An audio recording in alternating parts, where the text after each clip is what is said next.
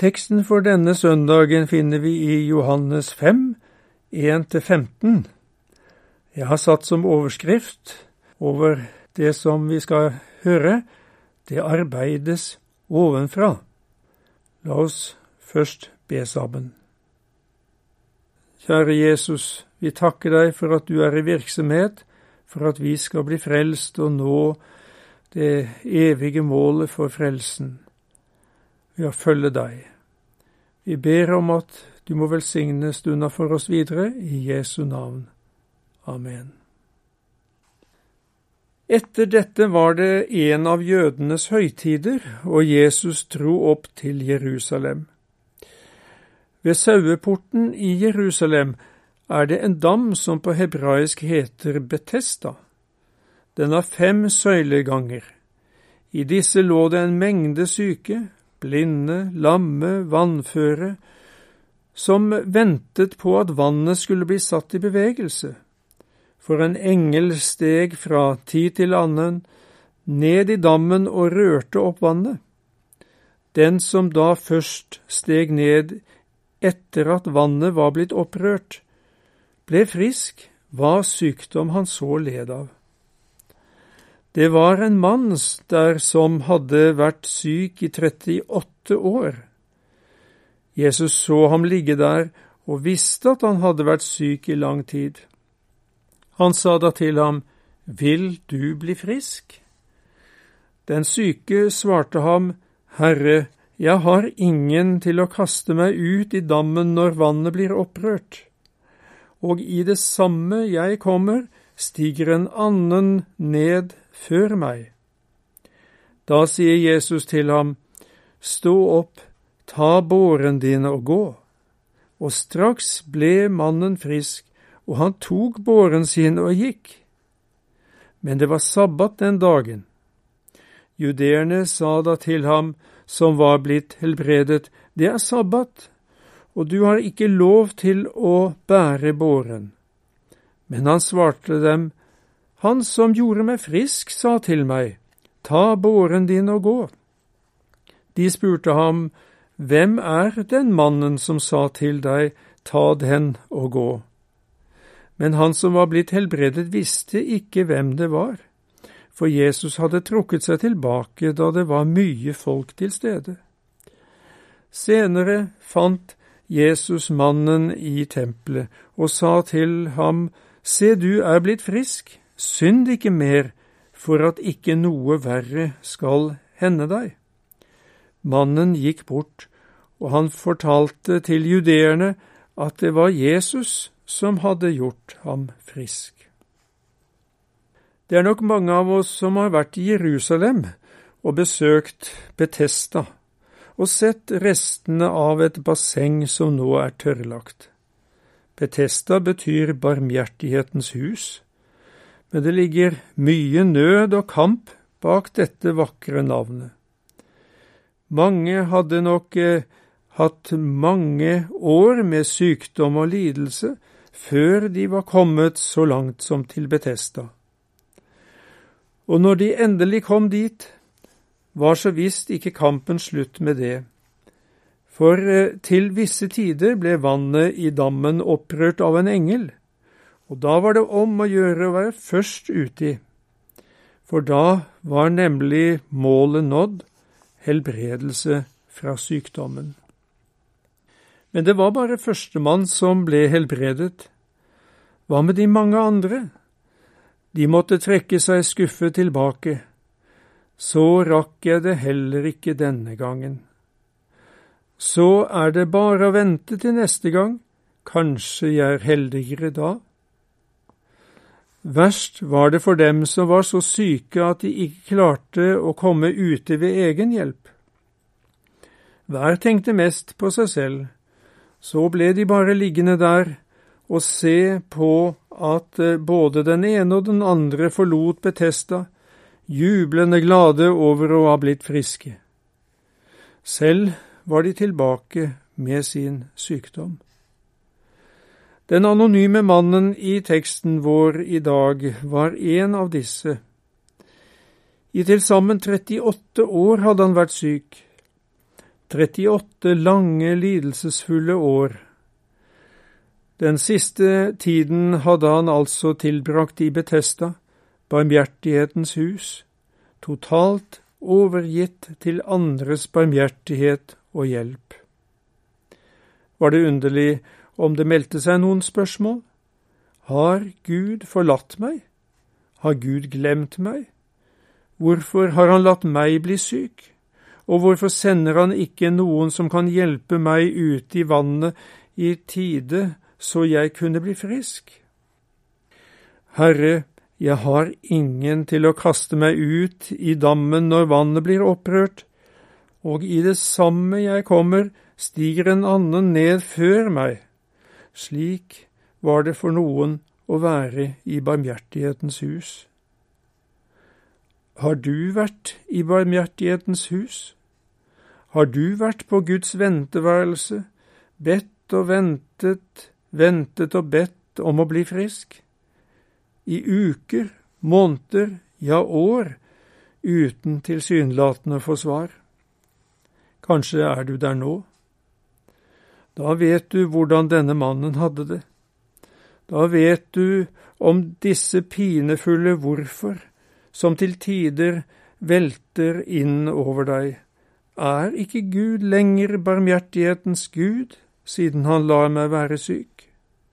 Han helbreder jo andre, hvorfor da ikke meg? Hør nå hva Jesus sier til deg som tror på ham. Min far arbeider inntil nå, også jeg arbeider. Slik står det etter teksten vår. Gud, vår evige Far og Jesus Kristus, vår himmelske Bror, er i full virksomhet for deg, for å gi deg alt det du trenger fra dag til dag, for å utruste deg til tjener i Guds rike, for å føre deg frelst hjem til himmelen. En frikirkeforstander gikk for mange år siden og ventet på ferja i Brevik ved Porsgrunn. Det var mens de holdt på å bygge den første brua over fjorden. Da så han plutselig et skilt hvor det sto Se opp, det arbeides ovenfra. Ja, i en dypere mening er det nettopp det det gjør. Det arbeides ovenfra, fra himmelen, også i ditt liv.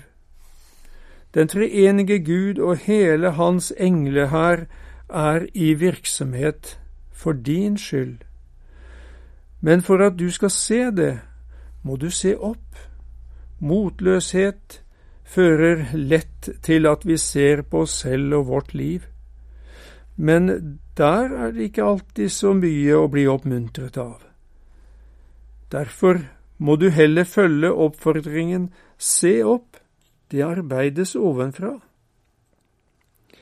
Hold blikket festa på Jesus, for Jesu auge er festa på deg. Han ser di fortid og framtid, han kjenner vegen du går steg for steg. Hans hjerte bankar i kjærleik til deg, han gjør deg sterk og han stør dine steg. Han gjev deg kall til å vandre din veg, med blikket festa på Jesus, heter det i en sang. Guds grunnarbeid er gjort. Det skjedde da Gud la all verdens synd over på sin enbårne sønn, og lot han bære følgene av alle våre synder ved sin lidelse og død. Han ble såret for våre overtredelser, knust for våre misgjerninger. Straffen lå på ham for at vi skulle ha fred, og ved hans sår har vi fått legedom, heter det i Jesaja 53. I Jesus har Gud ordnet med en fullstendig frihet fra dommen over syndene våre. Nå kaller han på oss og tilbyr oss fred og legedom i stedet. Ved troen på Jesus får vi alt sammen for intet. men det er først hjemme i himmelen at vi får erfare fullt ut hva dette innebærer.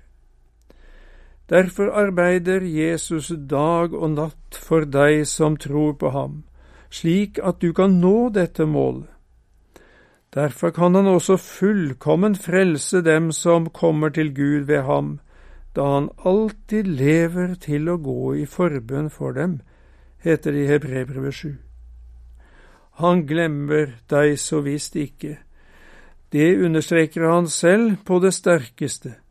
Glemmer vel en kvinne sitt diende barn, så hun ikke forbarmer seg over sitt livs sønn? Om også de glemmer, så glemmer ikke jeg deg, sier Gud. Se, i begge mine hender har jeg tegnet deg. Han følger med deg hele tiden, og du kan være trygg på at Jesus fullfører det arbeidet han har begynt på, for han sier, Min mat, altså det jeg lever for, er å gjøre Hans vilje, som har sendt meg, og å fullføre hans gjerning. Og apostelen uttrykker det slik, jeg er fullt viss på dette, at han som begynte en god gjerning i dere, vil fullføre den inntil Jesu Kristi dag. Herren bruker også engler i sitt arbeid. Det blir vi minnet om i dag. De er tjenende ånder som sendes ut til tjeneste for deres skyld som skal arve frelse heter det i Hebrebrevet. Det er nemlig så om å gjøre for Gud at du skal bli evig frelst, at han bruker alle midler som står til hans disposisjon. Jesus demonstrerer arbeidet sitt på den syke mannen i Betesta. Den dagen som begynte så lik de andre, ble fullstendig annerledes fordi Jesus kom inn i barmhjertighetens hus med sin barmhjertighet. Vi hører ikke at mannen roper på Jesus. Han kjenner ham ikke engang. Det er Jesus selv som oppsøker den syke og lidende. Han visste at han hadde vært syk i lang tid, og likevel spør han, Vil du bli frisk?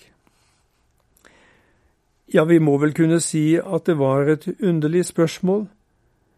Hele mannens livshistorie og plasseringen der i Betesta ropte jo om at han ønsket å bli frisk. Men slik er Jesus. Han vet så godt hva vi har behov for. Vi trenger ikke bruke tid til å forklare noe for ham. Likevel vil han at vi skal sette ord på vår nød og legge alt sammen framfor ham. Da blir ikke vår bønn grunnen til hans svar, men den åpne døra som han kan komme inn gjennom. Den syke mannen svarte Jesus, Herre, jeg har ingen til å kaste meg ut i dammen når vannet blir opprørt, og i det samme jeg kommer, stiger en annen ned før meg. Slik understreker han sin totale hjelpeløshet, men dermed åpner han for Jesu direkte inngrep i livet sitt. For da sier Jesus til ham, stå opp, ta båren din og gå. Resultatet lot ikke vente på seg, og straks ble mannen frisk, og han tok båren sin og gikk. Med sin guddommelige myndighet taler Jesus, og det skjer som han sier, akkurat som ved den første skapelsen. For han talte, og det skjedde, han bød, og det sto der. Men hvorfor blir da ikke jeg helbredet, hvorfor gjør da ikke Gud etter sine løfter når det gjelder meg? Ja, slik er det sikkert flere som spør. Det er fordi du tror for lite, svarer noen. Det er ikke rett at en kristen skal være syk, heter det. Bare tro mer, så skal du få oppleve helbredelse. Guds løfter om bønnhørelse står fast. Kall på meg på nødens dag, så vil jeg utfri deg, og du skal prise meg, sier Gud, ifølge Salme 50. Dette løftet har jeg fått henvise til mange ganger. Men å si generelt at kristne skal slippe å være syke hvis de bare tror nok, det kan da umulig stemme med Guds ord. Gud kan helbrede hvor og når han vil, men det er ikke alltid han gjør det.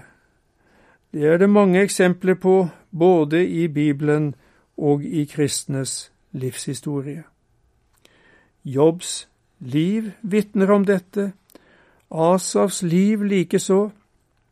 Han så på de ugudelige som var sunne og fri for plager, mens eh, han som levde et gudfryktig liv, måtte si likevel ble jeg plaget hele dagen, hver morgen kom til meg med tukt. Og Paulus, som selv hadde en torn i kjødet, bebreidet ikke sin medarbeider Timotius for manglende tro da han hadde problemer med helsa si. Han kom i stedet med et folkemedisinsk råd som skulle hjelpe han. Drikk ikke lenger bare vann, men bruk litt vin for din mage og for de sykdommene du så ofte lider av. Men hvorfor helbreder da Gud bare noen? mens eh, andre må slite med kroniske sykdommer? Ja, hvorfor helbredet Jesus bare den ene i Betesta? Mannen kjente ham jo ikke engang. Var ikke Jesus like glad i de andre? Jo, han elsker alle med en fullkommen kjærlighet. En del av svaret ligger i at vi alle befinner oss i syndefallets verden. Sykdom og død, skrøpelighet og smerte er en del av at synden kom inn i Guds skaperverk. Selv om vi blir nye skapninger ved troen på Jesus Kristus, har vi fortsatt en syndig natur og en forgjengelig kropp. Er det da så underlig at eh, vi også må bære en del av syndefallets følger her på jorda? En annen del av svaret ligger i at Jesus er opptatt av å herliggjøre sitt navn. Jesus stanser ved denne ene i Betesta for å demonstrere sin messianske frelsermakt. Han vil eh, vise at Guds rike er kommet nær, med frelse for både legeme, sjel og ånd. Slik er det nemlig profetert om denne tiden, da skal de blindes øyne åpnes og de døves ører lukkes opp. Da skal den lamme springe som en hjort, og den stummes tunge juble, heter det i Jesaja 35. Jesu under var demonstrasjonsunder, tegn på at nå var denne frelsestiden kommet. Men det endelige oppgjøret med alle syndens følger ligger i framtiden, da Gud skal skape en ny himmel og en ny jord hvor rettferdighet bor. Dersom Jesus skal gripe inn på en særlig måte i dag, har han det samme målet å herliggjøre sitt navn. Gjøre det stort og kjært for oss. Noen ganger skjer det ved helbredelse, andre ganger skjer det ved at han viser sin enestående omsorg for barnet sitt, som lider i ydmyk tillit til ham. En tredje del av svaret ligger i at Gud ser så mye lenger enn oss. For mine tanker er ikke deres tanker, og deres veier er ikke mine veier, sier Herren.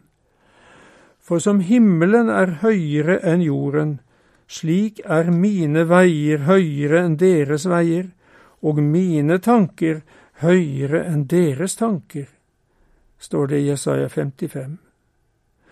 Det er naturlig at vi gjerne vil bli frisk og være friske. Men for Gud er det å bli frisk et kortsiktig mål mot det å bli evig frelst. Derfor sier Jesus i vers 14, Se, du er blitt frisk, synd ikke mer, for at ikke noe verre skal hende deg. Noe som er langt, langt verre enn å være syk, er å måtte tilbringe en evighet i fortapelsen. Og noe som er mye bedre enn å være frisk, er å bli frelst, og å få være et redskap til at andre kan bli det. Det kan altså hende at Gud lar oss beholde sykdommen både for vår egen del og for andres del. Kanskje han ser at det er den beste måten vi kan bli bevart i avhengighet av Jesus på. Det er det som er målet for Gud, enten vi er syke eller friske. Han vil at vi skal være i en slik nød at vi daglig må rope til Gud om syndenes forlatelse og alt det vi trenger for å leve.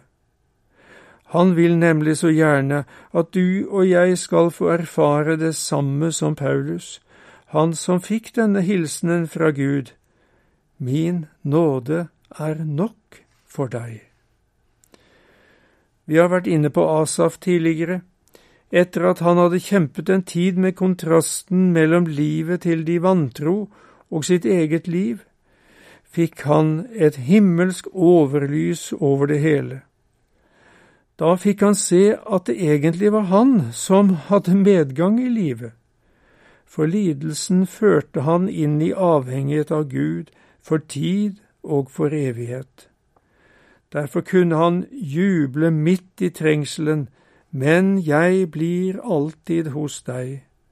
Du har grepet min høyre hånd. Du leder meg ved ditt råd, og deretter tar du meg opp i herlighet.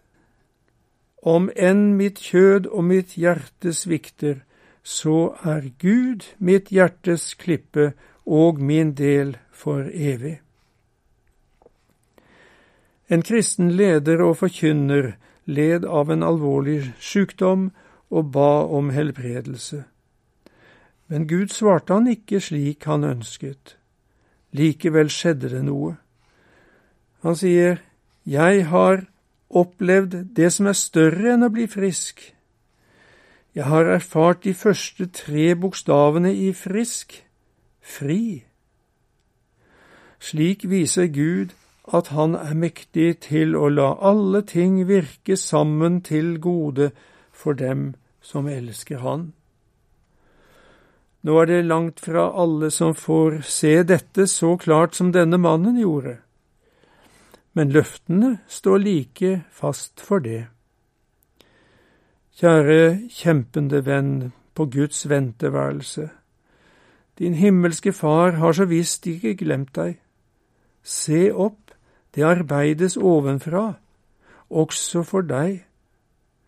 Kanskje vil han helbrede deg, kanskje vil han heller gi deg det du trenger for å bære sykdommen. Han vet hva som er best, derfor skal du be med full tillit, skje din vilje.